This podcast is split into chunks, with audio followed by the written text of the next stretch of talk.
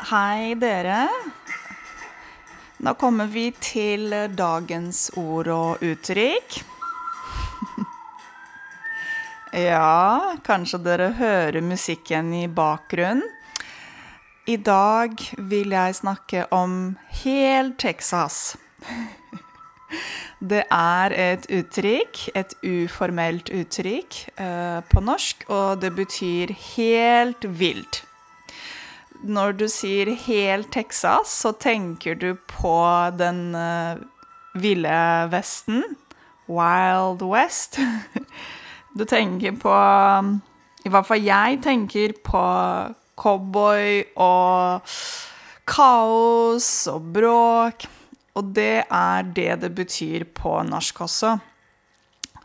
Og nå skal jeg prøve å gi dere noen eksempler på når og hvordan man kan bruke det på, på norsk. Så dette uttrykket kan brukes både når det gjelder noe negativt og noe positivt. Eller morsomt.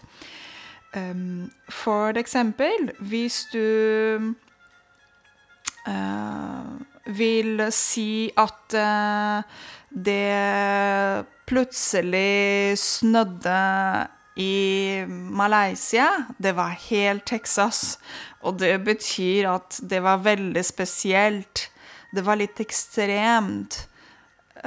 Snø finnes ikke i Malaysia.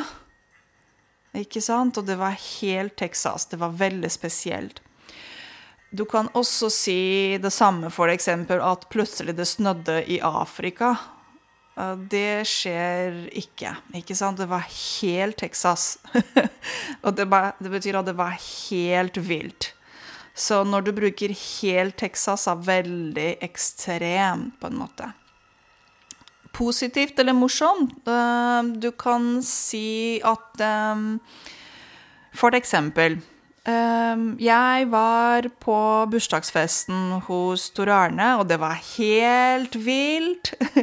Folk danset på bordene, og de var dritta fulle. Nei, det var helt Texas.